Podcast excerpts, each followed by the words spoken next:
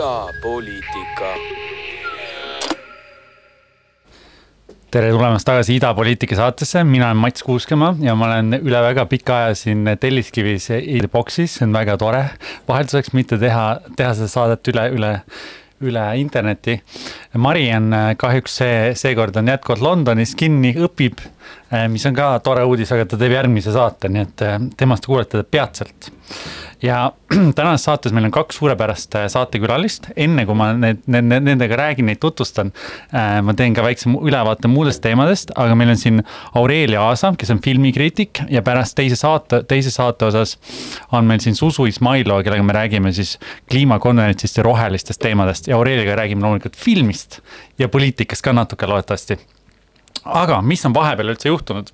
peale selle, mina olen olnud muidugi igal pool reisil, mis on tore olnud ka, on maailm on jälle avatud, inimesed liiguvad ringi ja inimestega saab päriselt kohtuda. et see on, see on väga põnev, vahepeal ununes ära, kuidas see täpselt toimub. aga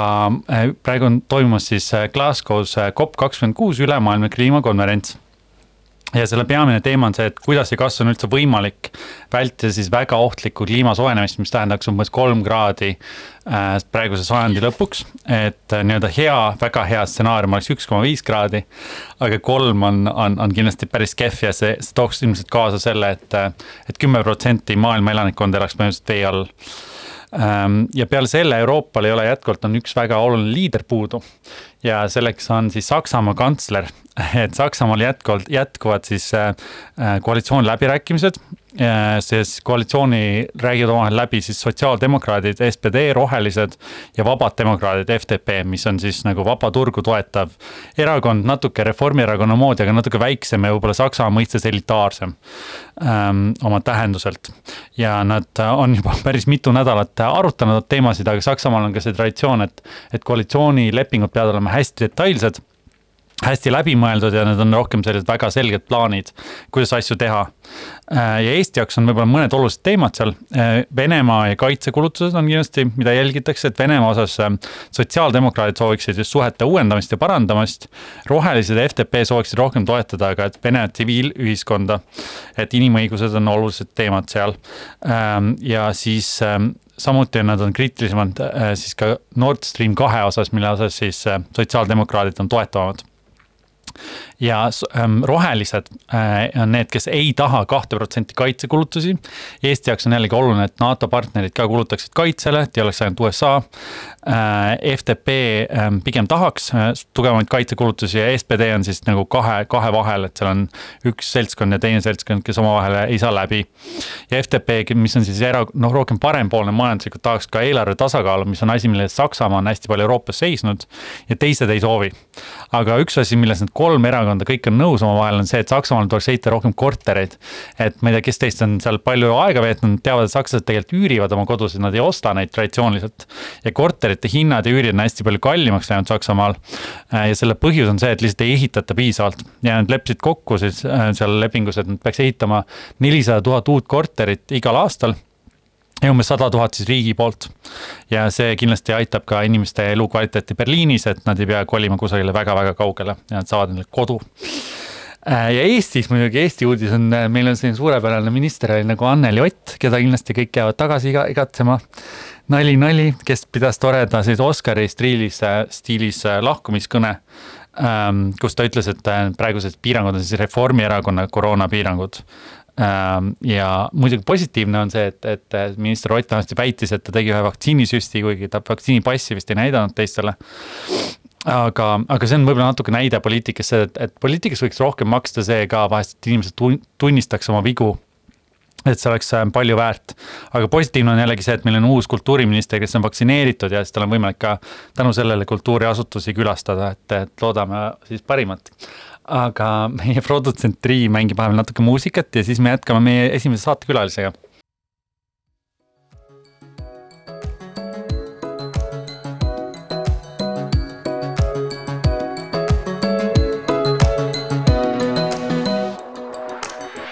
It feels so real.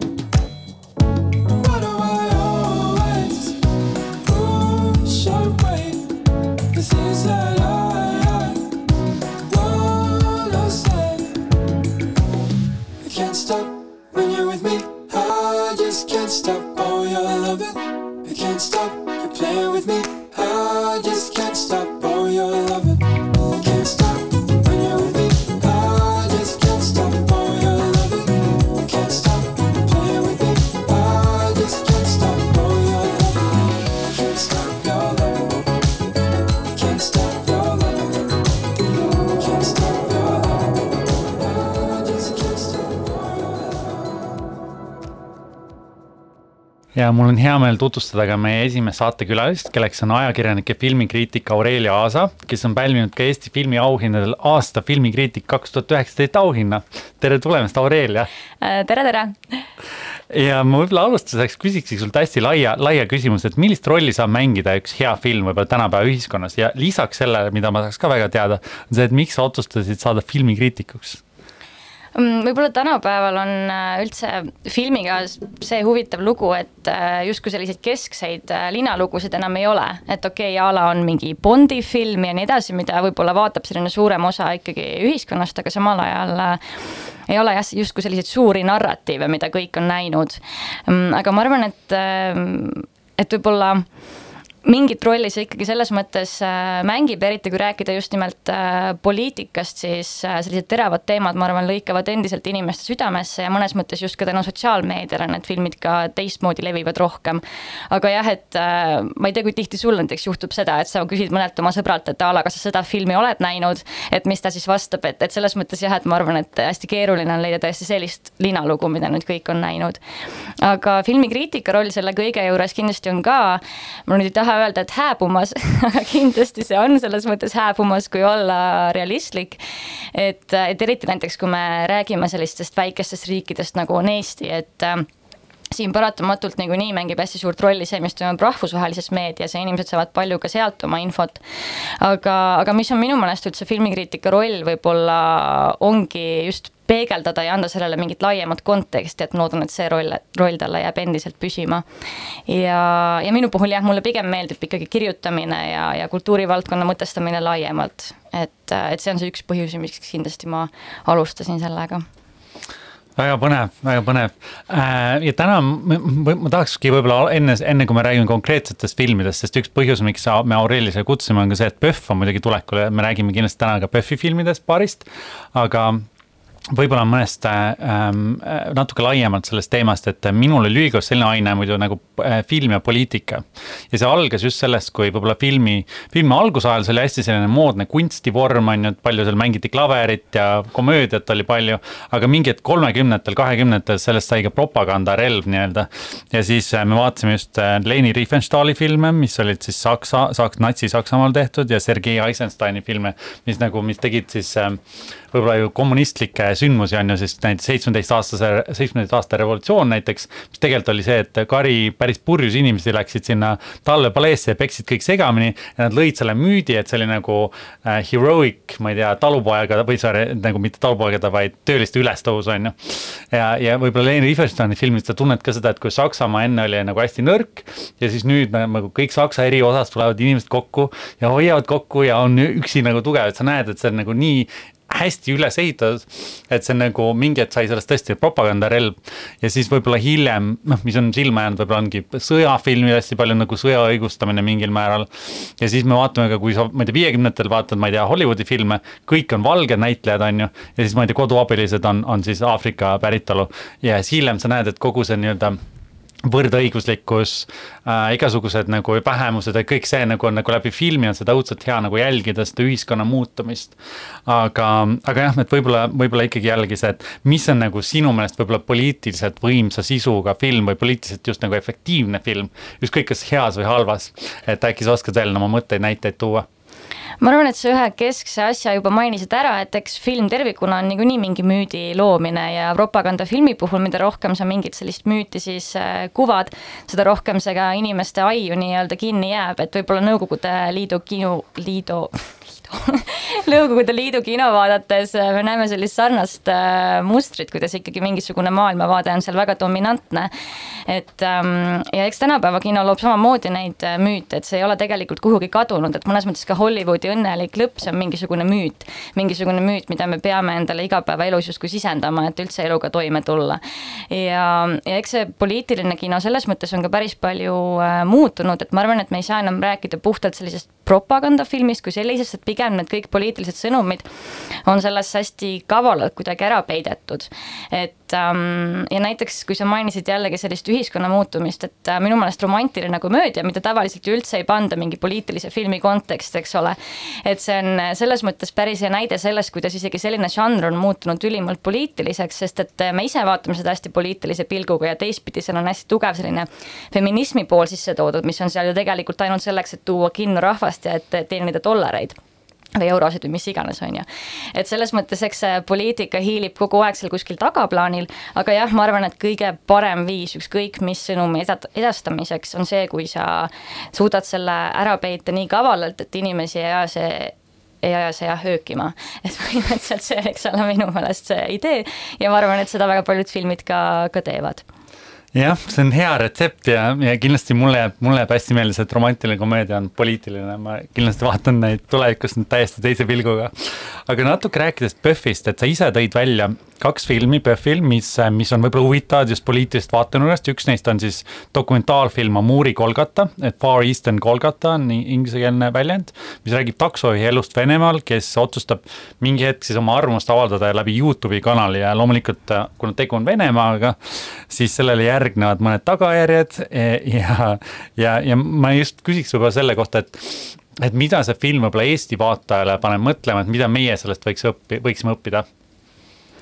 see film mulle selles mõttes meeldib äh, isegi väga, et äh, kui me tavaliselt oleme harjunud nägema, ütleme sellist poliitilist kommunikatsiooni või, või poliitikuid üldse tervikuna sellist hästi, ma ei taha öelda välja peetud, aga ikkagi pigem välja peetud inimestena, kellel on mingisugune selline mm, mask ees siis nii-öelda, kes täidavad oma mingisugust rolli, sest seal filmis tõesti see veidi tahumatu selline taksojuht on samamoodi omamoodi kohalik poliitik või siis vähemalt poliitaktivist.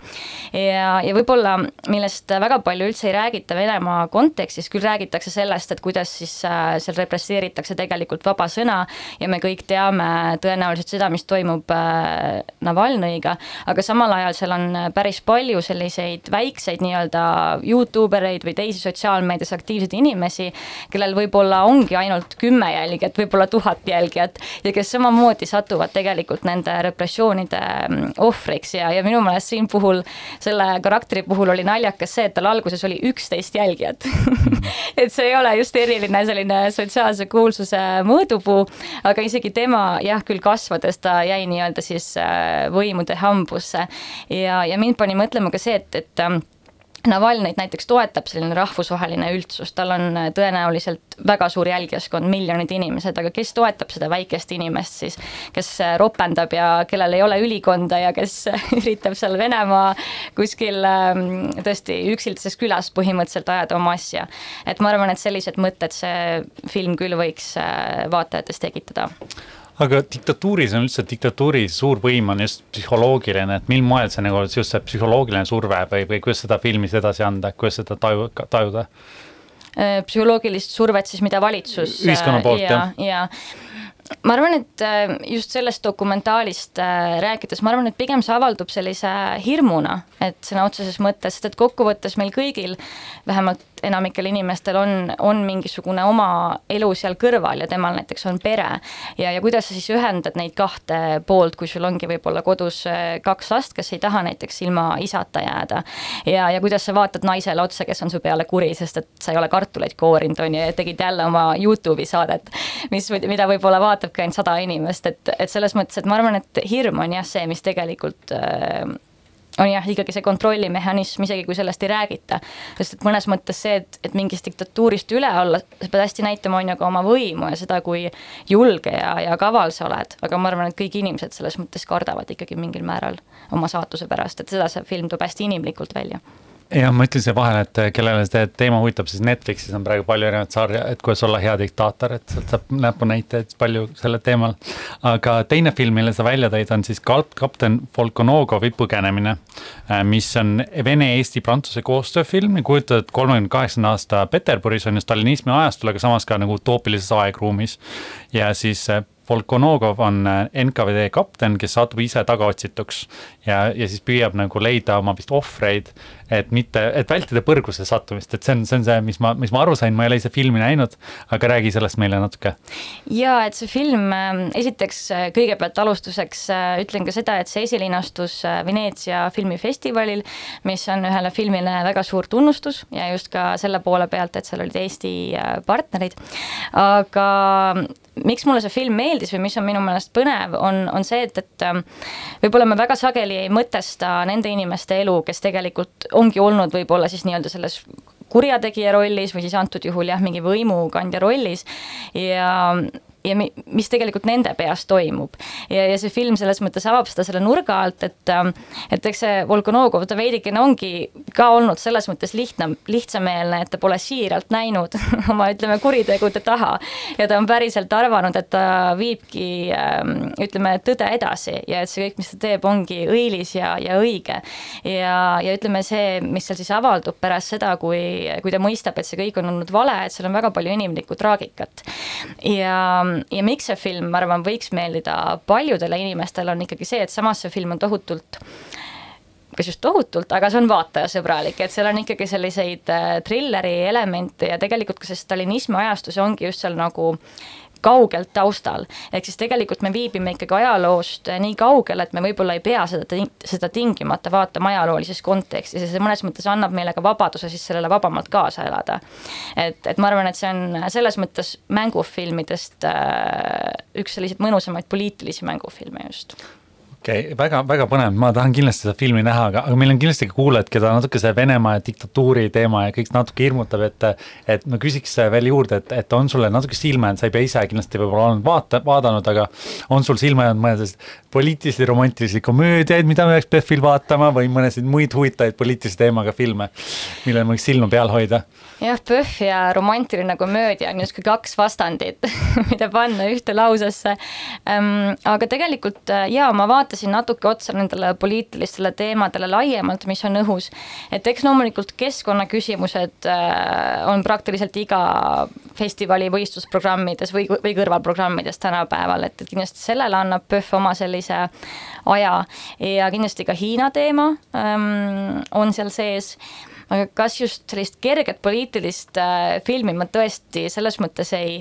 ei leidnudki, aga võib-olla, mis on ka poliitilise filmi äh,, filmi aspekt, on see, et, et tihti need poliitilised kommentaarid on nii peidetud, nagu me juba ka alguses rääkisime, et, et põhimõtteliselt võib ka sellist poliitilist alatooni leida ükskõik mis filmist, et eks oleneb paljust, palju ka sellest, mis tuju ja mis emotsiooniga me ise seda, ise, ise seda vaatame.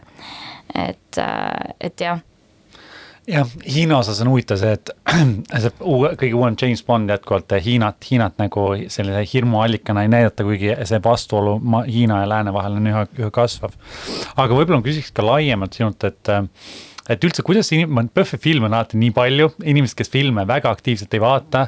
kuidas nad leiavad need head filmid, on sul mingeid nippe, kuidas neid nagu õige, õigeid leida? Ma arvan, et äh, jah, lihtne on öelda, et umbes loe arvustusi ja vaata, mis kuskil kirjutatakse, sest et inimestel ei ole selleks lihtsalt, äh, lihtsalt aega äh,. aga, aga kindlasti ma ühelt poolt arvan, et festival on see koht, kus äh, minna vaatama selliseid äh, uusi avastusi ja võib-olla uusi selliseid, mitte talente, aga lihtsalt uusi tulijaid aga, aga tegelikult PÖFFil on ka selline paremik teistest festivalidest, et eks seal kindlasti on sellist kergemat, äh, kergemat kraami tihtipeale. ja, ja tegelikult seal on mõned ka päris mängulised dokumentaalid ja see põhjusega mässajate programm on, on sageli selline väga eksperimentaalne ja avangardne, et mitte väga raske vaatamine ka. aga jah, ma ikkagi kokkuvõttes arvan, et tuleb süveneda sellesse programmi, et ega seal teisi võimalusi väga ei, väga ei ole aga mis, mis teeb sellise hea filmi, mis võidab, ma ei tea, filmifestivalil auhindu näiteks, sest alati see ei lähe kokku nende filmidega, mida inimesed vaatama lähevad kõige rohkem. et, et mis, mis on need film, need filmid või need aspektid, mille poolt sina just nagu võib-olla hääletad või mida sa välja tood?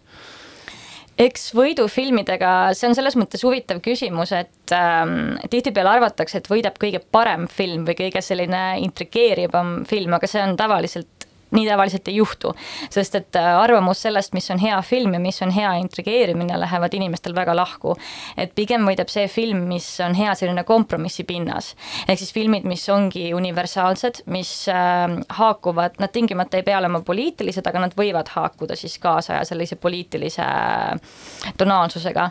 et kui ma mõtlen näiteks Jokeri peale, et, et see oli väga selline hea näide võib-olla sellest, et, et see on väga massidele suunatud film, see on väga vaatemänguline, kõik teavad seda seda lugu, seda karakterit, neid näitlejaid, aga samal ajal seal oli väga selge poliitiline sõnum. ja samamoodi näiteks eelmisest aastast Nomaadimaa, see oli mm, väga selline kuidagi kulgemise lugu, eks ole, väga isegi mõnes mõttes väga apoliitiline. et aga jällegi seal mingisugune selline universaalne aspekt oli, et et ma arvan, et kokkuvõttes see on see, mis selle võidu, võidu toob Hollywoodis on see, et tihtipeale Oscaritel me näeme just seda, et mingisugused võib-olla paljud mõned sotsiaalsed muutusi taotlevad filmid või kus on midagi uut või midagi uut näidatud äh,. tuuakse võib-olla esile, on ju, Eestis on praegu näiteks Tulilind, ma ei ole seda näinud, ma ei tea, kas see on sisu poolest hea või halb. sa võib-olla ei ole seda vaadanud, aga lihtsalt ma mõtlesin selle peale, et et võib-olla sa oskad kommenteerida, sest ma näen seda, et, et kõik kriitikud seda väga ei, ei kiida. kuigi teema iseenesest Nõukogude aeg ja homoseksuaalsus võiks olla huvitav mõnedele. ja mul selles mõttes on väga hea meel küll, et selline teema on üles võetud, et selle eest minu meelest juba ühesõnaga plusspunktid, aga ma ka ei ole veel jõudnud seda filmi äh, vaatama. et, äh, et aga loomulikult Eesti kino selles mõttes ähm, tihtipeale ta armastab sellist minevikku päris palju ja kaasaega mõtestatakse Eesti filmis sageli just läbi sellise mineviku, läbi talupoja või siis läbi mõisnike või kelle iganes. aga, aga kokkuvõttes äh, loomulikult, et mida rohkem on tegelikult selliseid kaasaegseid lugusid, et, et tegelikult see on vajalik ja, ja selline mm, jah selline päevapoliitiliste teemade mõtestamine on vajalik, aga iseasi ongi jah, et kuidas seda teha, et ähm, jah, sisu ja lugu peab ka olema huvitav, ma olen just, sellega, sellega väga nõus. ja et, et võib-olla poliitilise filmi puhul, mida ma enne ei maininud, et tihti, tihti ongi see, et need kleebitakse justkui sinna külge. ja see on lihtsalt sageli nii läbinähtav, eriti kui sa vaatad palju filme, et sa näed, et mõni karakter on seal ainult sellepärast, et see haagib ennast tänase poliitilise kliima külge ja nii edasi, et minu meelest see on tegelikult see asi, mis või ütleme, tee, mida ei peaks sammuma. et ennekõike on film ikkagi ju selline esteetiline, kunstiline tervik ja seda võiks ta olla kõige enne ja siis see poliitiline kontekst, kui see seal on, et siis ta võiks justkui kaasas käia. ei, seda küll pinget on ka vaja, mingi võitlus peab olema muidugi selles mõttes, et kui sa, kui sa tead täpselt seda, mis juhtub, siis võib-olla on natuke igav, aga jah. ega, aga minu arust väga, väga tore vestlus on olnud sinuga, et ma loodan, et ma usun, et paljud meie kuulajad lähevad PÖFFile, mina kindlasti lähen. ma loodan ka ja kohtumiseni siis edaspidi, aitäh, et tulid. aitäh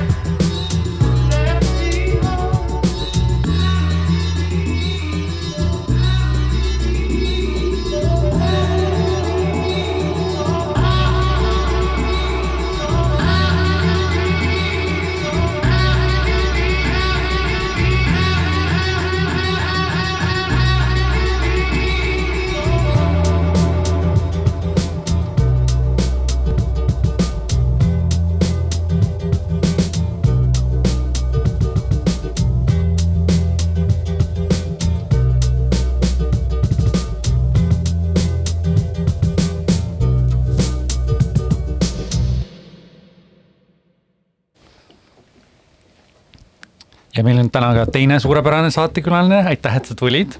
Züleyxa Izmailova, tere tulemast. tere et äh, me oleme korra kohtunud küll ja mitte kunagi varem rääkinud peale selle äh, paneeli, kus me olime kunagi koos Startup Dail. ja just, just. aga, aga see oli tore oli sinu vastuseid kuulda, et ei olnud ainult majandus, vaid sa mõtled ka nagu inimeste peale, et see on hästi positiivne ähm, aitäh, aitäh. aga täna ma tahaks võib-olla rääkidagi mitmetest teemadest, üks oleks võib-olla see, et ähm, võib-olla sinu poolt just kuulata äh, seda, mis, mis sa, kuidas sa jälgid äh, siis kliimakõnelusi äh,. mida tavainimene võiks sellest rohkem võib-olla teada ja üldse võib-olla nagu kliima soojenemisest kui teemast, et, et ähm, kui palju see läheb inimestele korda Eestis äh, ja, ja mida me võiks üldse rohkem nagu teha ja teada ja mõelda sel teemal mm. -hmm. et see on võib-olla esimene teema, millest hea meelega kuulaks sinu mõtteid. no kui äh, rääkida siis konkreetsest praegu äh, kli-, siis kliimakonverentsist, mis toimub, siis ma ütlen ausalt, et ma ei ole seda nii üksipulgi jälginud kui varasematel aastatel. ja võib-olla sellel on ka põhjus täiesti selline noh, ma näen, et päris paljud on tegelikult väsinud sellest ja, ja võib-olla ka pettunud sellest, mis toimub, et juba, juba tegelikult kahekümne kuuendat korda saavad meie suured juhid kokku ja, ja noh, nagu me vara, varem oleme näinud, siis tegelikult kui nad nüüd lähevad koju, siis suurt midagi ei sünni. ja, ja võib-olla see, sel korral on äh, ma ei olegi vaadanud nii palju uudiseid ja olen kogu sellest meediavirvarrist ennast püüdnud praegusel ajal natukene e eemal hoida meelega, et lihtsalt nagu keskenduda ja, ja mõelda mõtteid ja, ja valmistuda tulevikuks paremini, et aga aga noh, ega seal põhiliselt ju midagi uut jälle ei tule ja, ja nii palju, kui ma ikkagi olen näinud ja kuulnud, äh, sest ma ei ole nagu sada protsenti ennast äh, suutnud ikkagi välja lülitada, siis äh, kõik läheb justkui tavapärast rada ja mingeid üllatusi ei tule ja ja mis nagu minul on võib-olla kahju, on see, et et et nii paljud inimesed tegelikult püüdlevad nende muutuste poole, aga see kuidagi ei summeeru lõpuks ikkagi, et et äh, me näeme, et riigijuhid on šampanjaklaasidega arutavad küll, aga aga kui me vaatame, mis meil kodumaal toimub, siis äh, noh, koroonapandeemia on võtnud kogu selle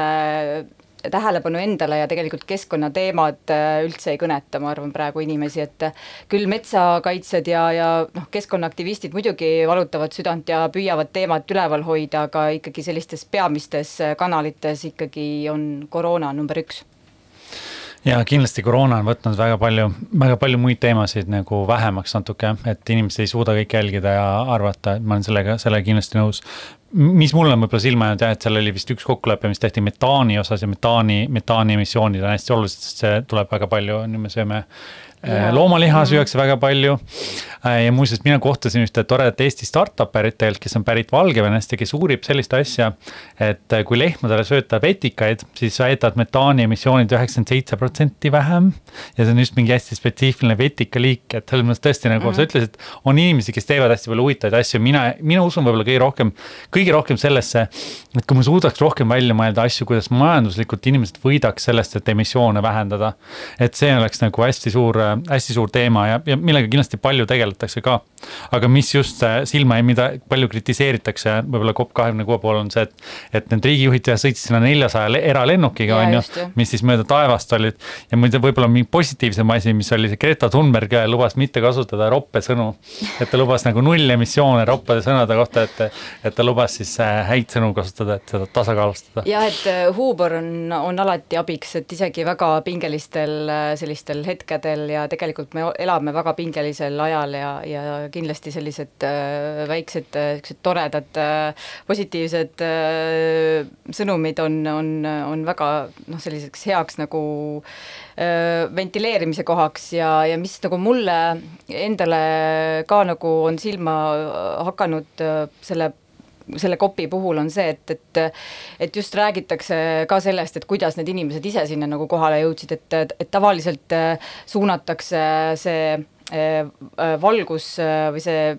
rambivalgus siis nendele aktivistidele, et kuidas nemad küll sinna tulid ja ja eelmine kord oli ju ka, et räägiti väga palju, et oi, aga ju Greta ise ju ka, ma ei tea, kasutab seal mingit teatud transpordiliiki, et kuidas siis nii, et, et minu arust on liiga palju, rõhutakse sellele üksik üksikisiku vastutusele, samal ajal kui,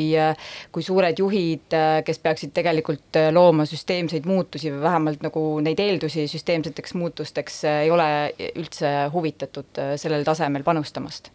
jah, praegu ka see keeruline olukord, et äh, nüüd on Venemaa ja Hiina, või noh, Hiina eriti muidugi, aga nad koos tegelikult toodavad rohkem CO2 kui kõik USA liitlased kokku, ehk siis äh, USA, Euroopa Liit, äh, Jaapan, Kanada, Austraalia.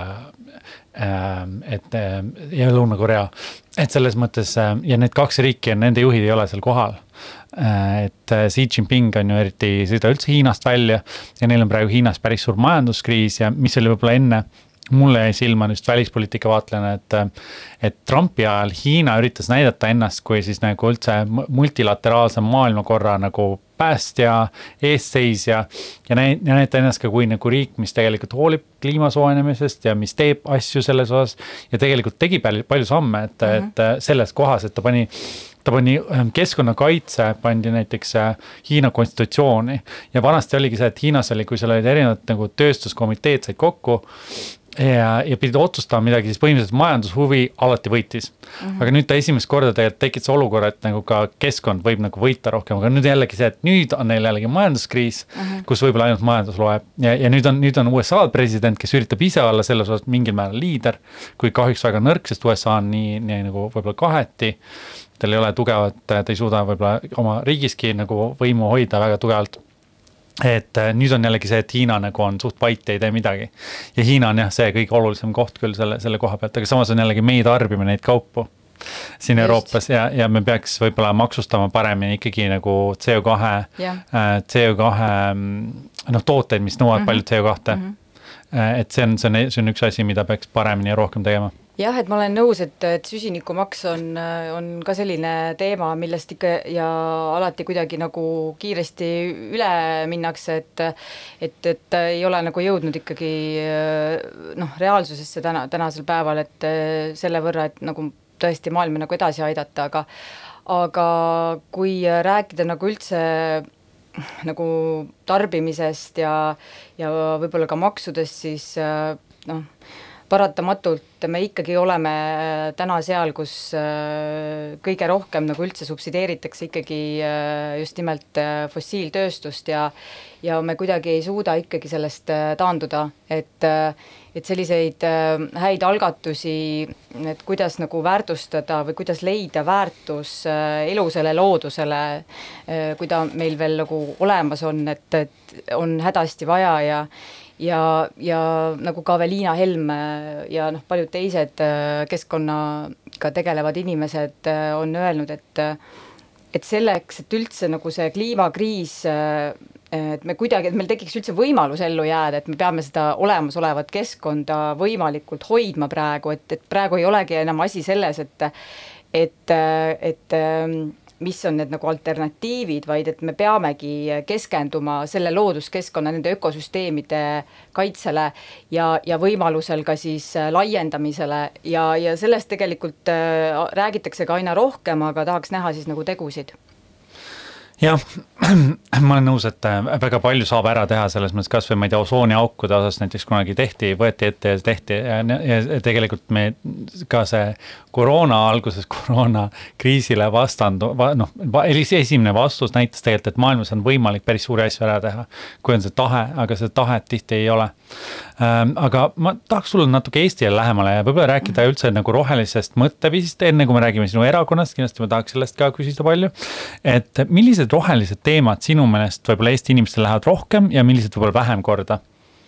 No rohkem lähevad korda sellised teemad, mis puudutavad inimesi isiklikult, ehk siis äh, äh neid inime-, neid inimesi, kes, kes elavad kuskil äh, metsa sees näiteks ja neil kaob mets äh, kodu ümbert ära, et neid see metsateema väga puudutab. samas äh, inimesi äh,, inimesed väga hoolivad äh, ka need inimesed hoolivad metsast, kes äh, elavad linnades ja sest nad on väga teadlikud sellest, et metsad on ökosüsteemid, et need on koduks äh, väga paljudele liikidele, et siis see metsateema on selline üks universaalsematest, aga äh, kui noh, siia juurde vaadata, siis mõned keskkonnateemad on on keskkonnateemad, mida inimesed isegi ei taju võib-olla keskkonnateemadena, et äh, näiteks kas või seesama energeetika, äh, mis, äh, mis meil täna just endalgi tuli, elektriarve, eks, ja ja, ja need on puhas vesi kindlasti, aga jällegi, et need jäävad nagu inimestele selles mõttes kaugeks võib-olla, et inimesed ei tunneta seda, et mida nad ise saaksid nagu teha selle jaoks, et, et, et need asjad oleksid teistmoodi ja ja, ja minu arust ei seostata seda ka poliitikaga, et, et need on justkui nagu poliitiliste valikute tulem, siis need, need, et need, neid otsuseid on tehtud eelnevalt siis, et me oleme täna siia jõudnud tänu sellele. et, et riik ei ole ise nagu untsu läinud, vaid ikkagi juhtimisega ja kindlasti, ma arvan, energeetikapoliitika on natuke nagu maksupoliitika, et see on nagu meie kõigi oma, meie kõigi otsustada, meie kõigi mõjutada, mõjutab meid kõiki. aga samas inimesed ei taju enda võib-olla võimu selle, selle üle. aga, aga tegelikult on see reaalsus see, et Eestil on olnud põlevkivi, mis on olnud noh, kõige, kõige halvem üldse põhimõtteliselt kliimale väga pikka aega ja me olime nagu number üks vist aasta Euroopas, kui ma ei eksi, või number ja, kaks pärast Luksemburgi, ma ei tea, üks nendest väga pikka aega ja ma ei tea, kas kas me oleme põlevkivist täielikult loobunud üldse? ei, me ei ole, loomulikult meil täna ju ikkagi riigina panustame põlevkivi, põlevkivisse ja noh, kasvõi see põlevkiviõlitehas, mida on täna riik ehitamas ja kulutamas sinna sadu miljoneid, et see on jälle taaskord näide, et me tegelikult ei ole nagu rohepööret tõsiselt võtmas riigina, et me küll räägime ja, ja me justkui toetume sellele pagasile oma me-, oma looduskeskkonna najal, aga reaalselt nagu tehnoloogilist hüpet me nagu ei taha teha, et, et me oleme nagu ikka veel seal nagu sada aastat tagasi meil seda põlevkivi hakati nagu tootma, et et ikkagi oleme veel seal selles, selles minevikus kinni ja ei taha kuidagi sinna tulevikku teha ja samas nagu Eesti Energia on nagu mon-, suur monopol ja, ja tõrjub välja kõiki, kes võiksid olla konkurendid nagu taastuvenergia tootjate näol. Ja, ja noh, nii see täna on, et, et see poliitiline kliima paraku ei võimaldagi sellist, sellist hüpet teha jah, Eesti Energia osas ma olen selles mõttes väga nõus, et äh, monopoolsed ettevõtted alati on, on kehvad ja teevad kehvi otsuseid ja need äh, osad, mis nad ehitasid, vist neid tehaseid, ma ei tea, USA-sse nad üritasid teha mingeid põlevkivitehaseid, asju, et, et nad on ikka väga, väga palju rahva rahaga põletanud tegelikult. no ja, ja täna tundub, et me hakkame nagu samu, samu asju riigina mõtleme teha ka nüüd äh, tuumaenergia näol, et et tahetakse justkui panustada sellesse ja väga tugev lobi käib ka, et selle nimel, et, et riik osaleks siis äh, nendes protsessides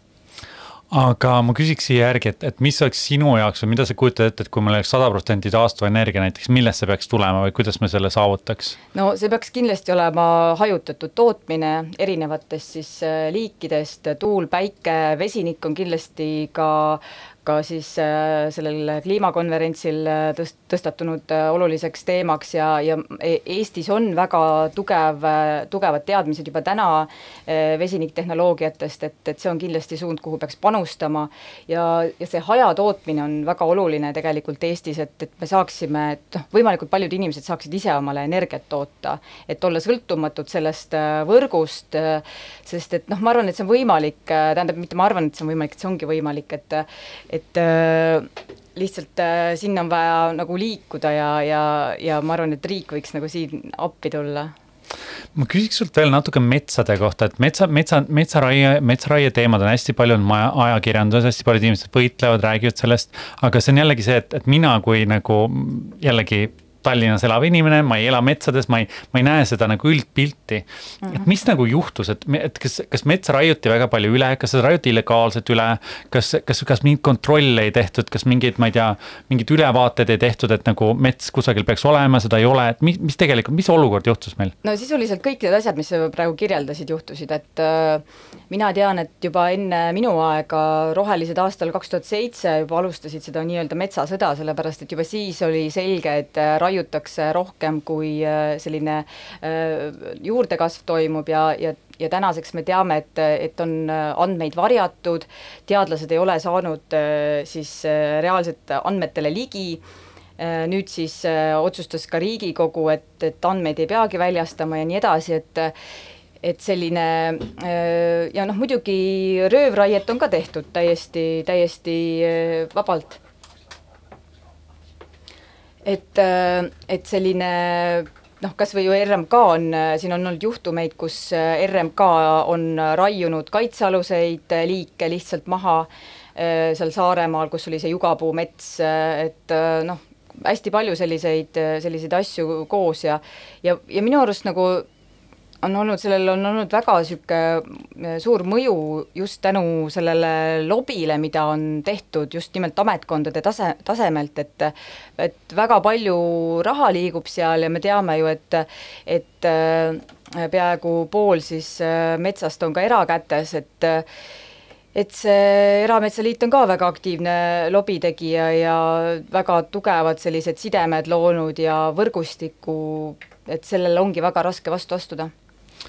jah, see on hästi oluline teema ja, ja väga hea, et sa täna mind valgustasid sellest, me teeks väikse muusikalise pausi siis me jätkame natuke, räägime Rohelist erakonnast ka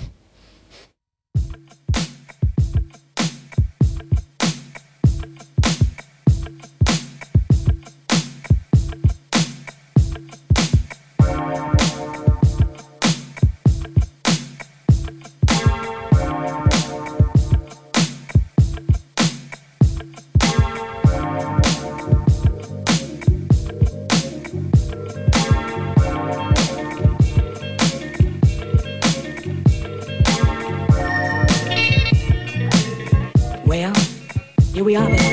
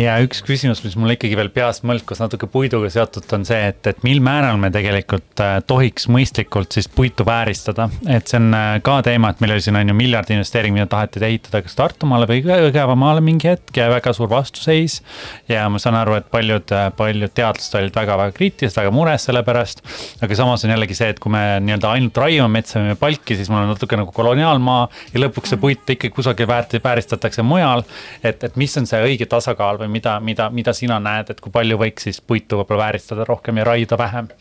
no mina näen üldse seda sellisena, et, et seesama tselluloositehas, ega ta ei oleks ka nüüd äh, mingisugune uus asi, et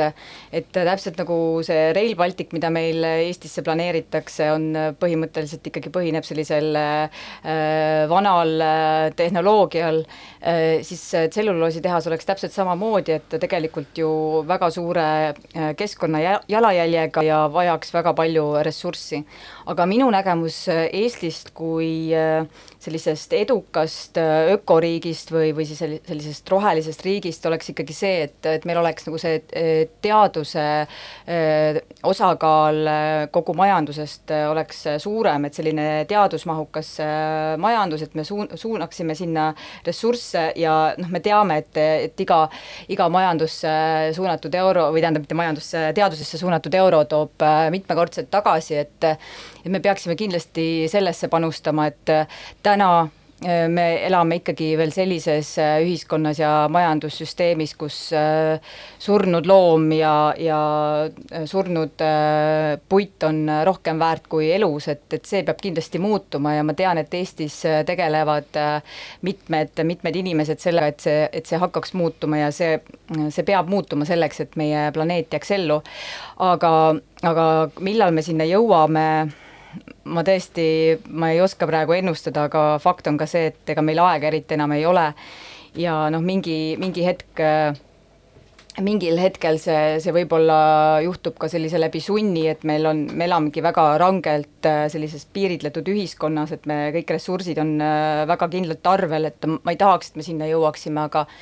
aga kui rääkida nagu väärindamisest äh, tänases kontekstis, noh siis on äh, kindlasti, millest on räägitud äh, palju, on puitmajade ja üldse puitarhitektuur, et, et see on üks kõige sellisem siis viis, kuidas me saaksime tõesti seda puitu väärindada, sest et noh, tõepoolest,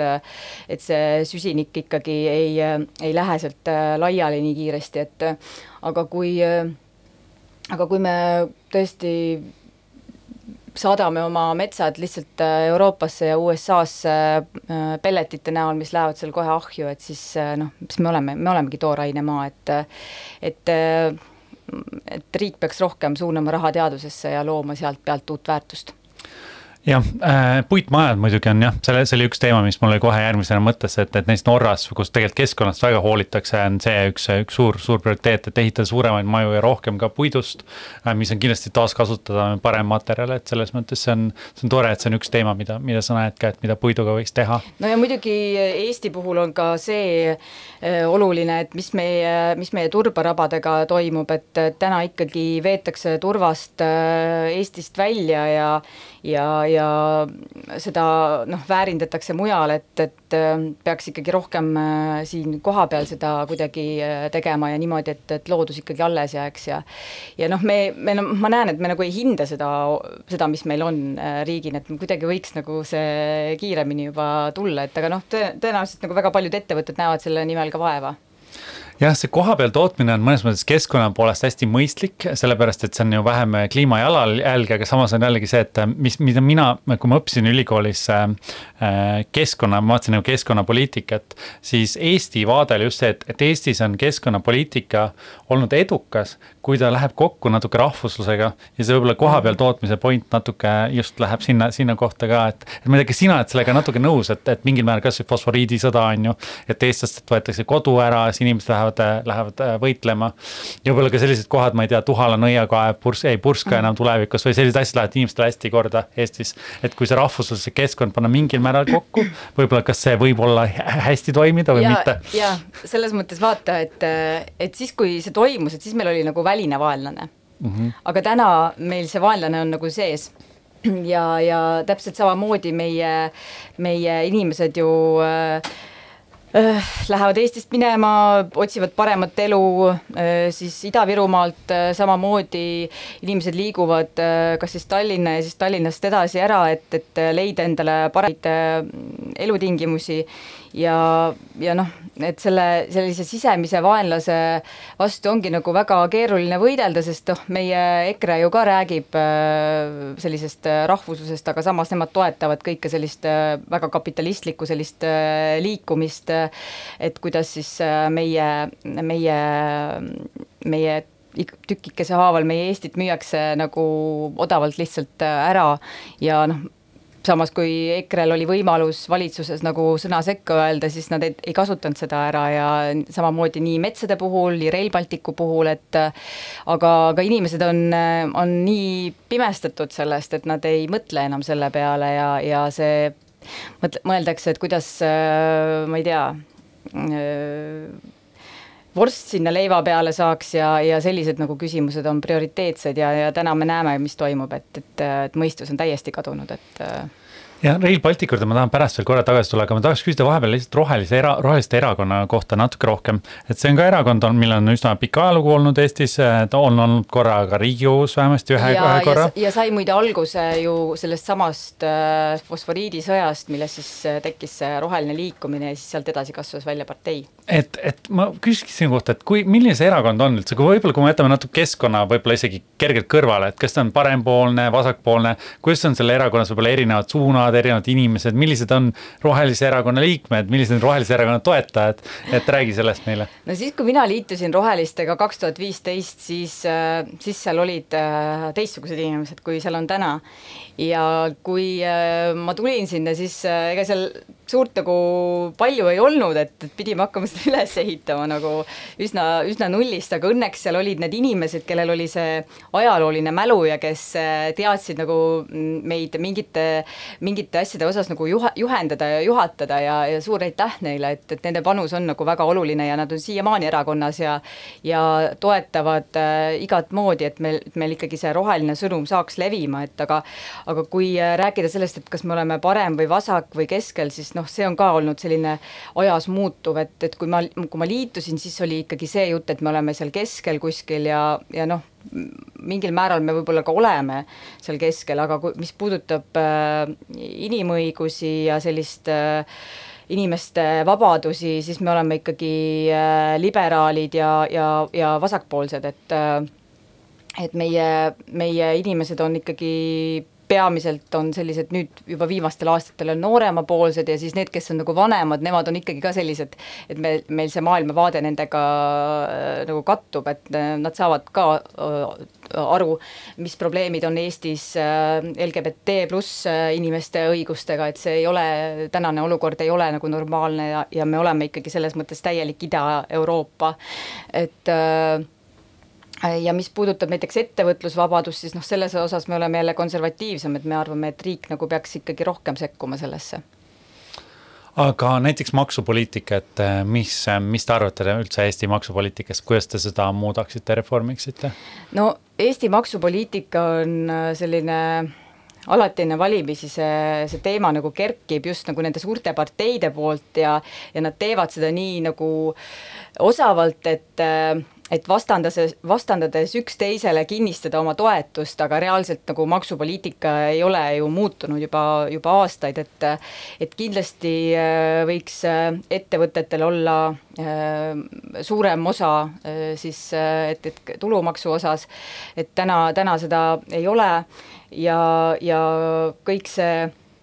mis puudutab ka keskkonnatasusid, et, et kindlasti see võiks olla nagu üks koht, kus, kus oleks see maksusüsteem nagu paremini üles ehitatud, et ikkagi looduse reostamine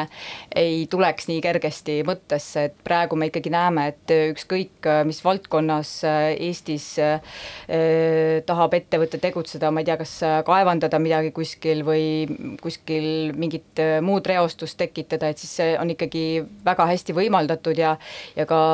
ettevõtted eh, tulevad, eh, väljastpoolt ettevõtted tulevad siia just nimelt sellepärast, et siin on odav reostada rohelistega on, on see võib-olla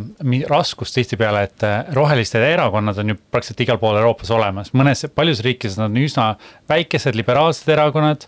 mõnes on ka päris tugevad, näiteks Saksamaal on, ma ei tea, seitseteist protsenti toetus ja võib-olla isegi natuke parempoolsem, kuigi mitte igal pool Saksamaal kui, kui mujal, et ähm, et minu küsimus on võib-olla just selles, et, et kui, kui see nagu pikalt, pikalt kestab, et te olete täpselt selle, ma ei tea, et, et ei saa Riigikokku näiteks sisse. et kas te oleks valmis tegema mõne teise erakonnaga rohkem koostööd, tegema nemad rohelisemaks võib-olla, tegema midagi koos, et, et kas te näete seda ka. või, või lihtsalt olema, ma ei tea, roheline liikumine on ju, et selles mõttes erakond ka kindlasti erakonnad tahavad asju ära teha. Te mainisite näiteks LGBT teemat, te koostate neid allkirju seadusemuudatust, teie alustasite seda, see oli teie ettepanek ja ma ei tea väga,, väga-väga suure toetuse sai. et, et, et, et te saate, tegelikult te mõjutate poliitikat ka ilma poliitikas olemata isegi mõnes mõttes. et kas teil on seal mõtteid, et mõne teisega koostööd teha või lihtsalt olema, olla hoopis mingi NGO ja võib-olla hoopis rohkem saama tähelepanu, et no Eestis on tegelikult olemas roheline liikumine, just nimelt äh, mittepoliitiline, et, et seesama, millest siis Roheliste Erakond välja kasvas ja ja noh, ma näen, et, et tegelikult äh, nendel keskkonnaorganisatsioonidel Eestis võiks olla palju olulisem roll äh, et me ei, me ei peaks vaatama mitte ainult rohelist erakonda nagu ja võrdlema äh, rohelisi teiste riikide rohelistega, vaid vaatama ka, mida teevad äh, rohelised äh, erinevad organisatsioonid, et et äh, minu arust on viimastel aastatel äh, näiteks rohelises liikumises äh, tekkinud küll selline üsna selline noh, ma ütleks, et arvestatav äh, selline äh, jõud, et öeldakse ikkagi asju välja, enam ei äh, ninnu-nännutata seal ametnikega ja poliitikutega, et, et ma olen seda küll kohanud, et et, et ärge ikkagi, et, ärge ikkagi noh, ma ei tea, norige seal tüli, et olge ikkagi noh, viisakad ja, ja kõik see, on ju, aga aga, aga reaalselt meil ei ole aega ja siis, ja siis tulevad jälle kuskilt inimesed äh, tänavalt, ütlevad, kuulge, mis te seal, ma ei tea, hoiate nende pehmete pattide peal neid poliitikuid, et andke neile ikka täiega, et nad ei tee ju mitte midagi seal üleval, et, et see peaks nagu olema nende töö. ja siis, ja ma arvan, et see ongi selline nagu koosmõju, mis, mis peaks nagu toimima ja selliselt, et, et ühiskonnas tekiks see, see poliitiline tellimus äh, rohelise partei järgi nagu selline tugev, et, et me, me teame ju juba aastaid, et, et meil justkui see potentsiaal on, aga me ei ole ikkagi jõu-, nagu suutnud seda potentsiaali äh, siis äh, ellu viia ja, ja me oleme ka olnud teadlikud sellest, et, et et üks nagu ohtudest ongi see, et teised erakonnad võtavad nagu meie teemad ära ja, ja see on, on juhtunud. Jah, no alati enne valimisi on, on kõik hästi rohelised, eks, aga siis, kui sügis tuleb kätte, siis lähevad punaseks ja kollaseks need lehed, eks, aga aga meie oleme nagu igihaljalt rohelised edasi ja, ja noh, rääkides nagu koostööst teiste erakondadega, siis äh, muidugi koostööd võib teha, et me. no ma pean silmas ikkagi mm -hmm. seda, et noh, meil on tegelikult olukord, kus liberaalide nagu hääled on tegelikult hästi lai, noh ja laial on ju. et äh, ma tean, et kõigile liberaalidele ei meeldi need teised, on ju mm, -hmm. aga samas mm -hmm. ma lihtsalt näen seda, et, et võib-olla mingil hetkel võiks olla üks partei, mille ma ei tea, nime osa on rohelised mm -hmm. näiteks mm. -hmm. et, et kas selline asi on mõeldav, mõned mõtted selle peale? ma arvan, et ikka on mõeldav jah, et äh, mina ise näen ka seda, et, et inimesed võiksid nagu ühineda ikkagi ühe mütsi alla ja, ja ja see üldse keskkonnateemadel on see on see noh, märgata, et, et ka nende keskkonnaorganisatsioonide puhul, et, et rohelisi mõtle, rohelised mõtlejaid justkui on, aga nad on igal pool nagu haiali, hajali ja siis see, see tulemus nagu ei tule kokku. ja, ja, ja seda on nagu noh, paraku seda on kurb vaadata ja, ja ma olen nagu püüdnud neid inimesi kokku tuua, aga seni ei ole õnnestunud, noh, ma ei tea, vaatame, mis tulevik toob, et, et me siin planeerime küll igasuguseid asju, et, et kuidas nagu edasi minna ja ja tõepoolest, noh, ma üldse ei välista seda, et, et miks mitte kõik roheliselt mõtlevad inimesed võiksid tõesti moodustada ühe erakonna Eestis ja üks küsimus mul on veel, et ma, ma tean, et idakuulajatele tegelikult paljudele läheb, lähevad rohelised teemad korda, aga mis on just need väiksed asjad, mida ikkagi see üksikinimene võiks natuke, võib-olla natukene muuta või oma mõtlemises, teguviisis asjades midagi vähem tarbida, midagi teistmoodi teha, mis on need lihtsad soovitused, mida sa soovitad? nojah, see on jälle see, me tuleme jälle selle üksikisiku juurde, eks, et, et äh, väga paljud inimesed tegelikult juba teevad päris palju asju, et äh, ei sööda liha, eks äh, kõnnitakse jalgsi äh,, tarbitakse vähem, käiakse kaltsukas ostmas asju, eks, et äh, nagu minagi, mul on kõik asjad on kaltsukast, on ju, vaata kui lahedad saapad ma sain sealt äh, Paavli sellest angaarist, on ju. ja siis äh,, et noh, kõiki neid asju tegelikult tehakse, et noh, ja, ja ja koroona on mõjutanud ka seda, et inimesed reisivad vähem, ja võib-olla on hakanud selle peale mõtlema, et võib-olla ei olegi nii palju vaja lennata, eks, ja võib-olla saab teistmoodi kuidagi elada, et, et neid asju ikkagi tehakse, et üks asi võib-olla, mida mina julgustaksin kindlasti tegema, on liituma erakonnaga ja, ja julgema roheliste poolt valida valimiste ajal, et, et see alati on see, hirmutatakse, et, et oi oh jaa, et su hääl läheb kaduma ja siis see tegelikult heidutab päris paljusid inimesi, et aga lihtsalt olema julgemad jah äh,, hästi tore on olnud täna sinuga rääkida, aga, aga ma ütlen enda poolt, mida, mida mina loodan, minu wishlist rohelist on see, et võib-olla ta võiks, ma tean, et ideid röövitakse kogu aeg, aga mhm. samas see on kõige olulisem, et nad täide viiakse, et võib-olla mingi kümme nii kümme rohelist asja. meil võiks olla niimoodi, et need võiks olla nii hästi reklaamitud, et mingid, mingid seadusemuudatused, mingid asjad, mis te tahaks mm. -hmm. Teie wish list võiks olla rohkem tegelikult teada, võib-olla see on, meedia ei ole teid kajastanud piisavalt, aga võib-olla lihtsalt võiks olla hästi konkreetne, mingid asjad. Äh, ja, ja teine see mõte, et käi kaltsukas, see on väga hea mõte, tegelikult seda, seda võib kõigile ma soovitada vaatan, et sul on peaga kampsun, ma ei tea, kust sa selle said muidugi. see pole kahjuks kaltsukas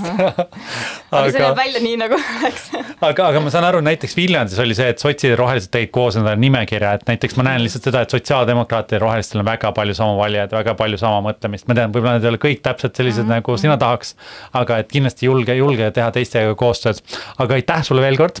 ja palju edu! Ja me kuulame siis kuulajatega ka järgmine kord, et kindlasti andke meile tagasisidet, jagage meie saadet ka, aitäh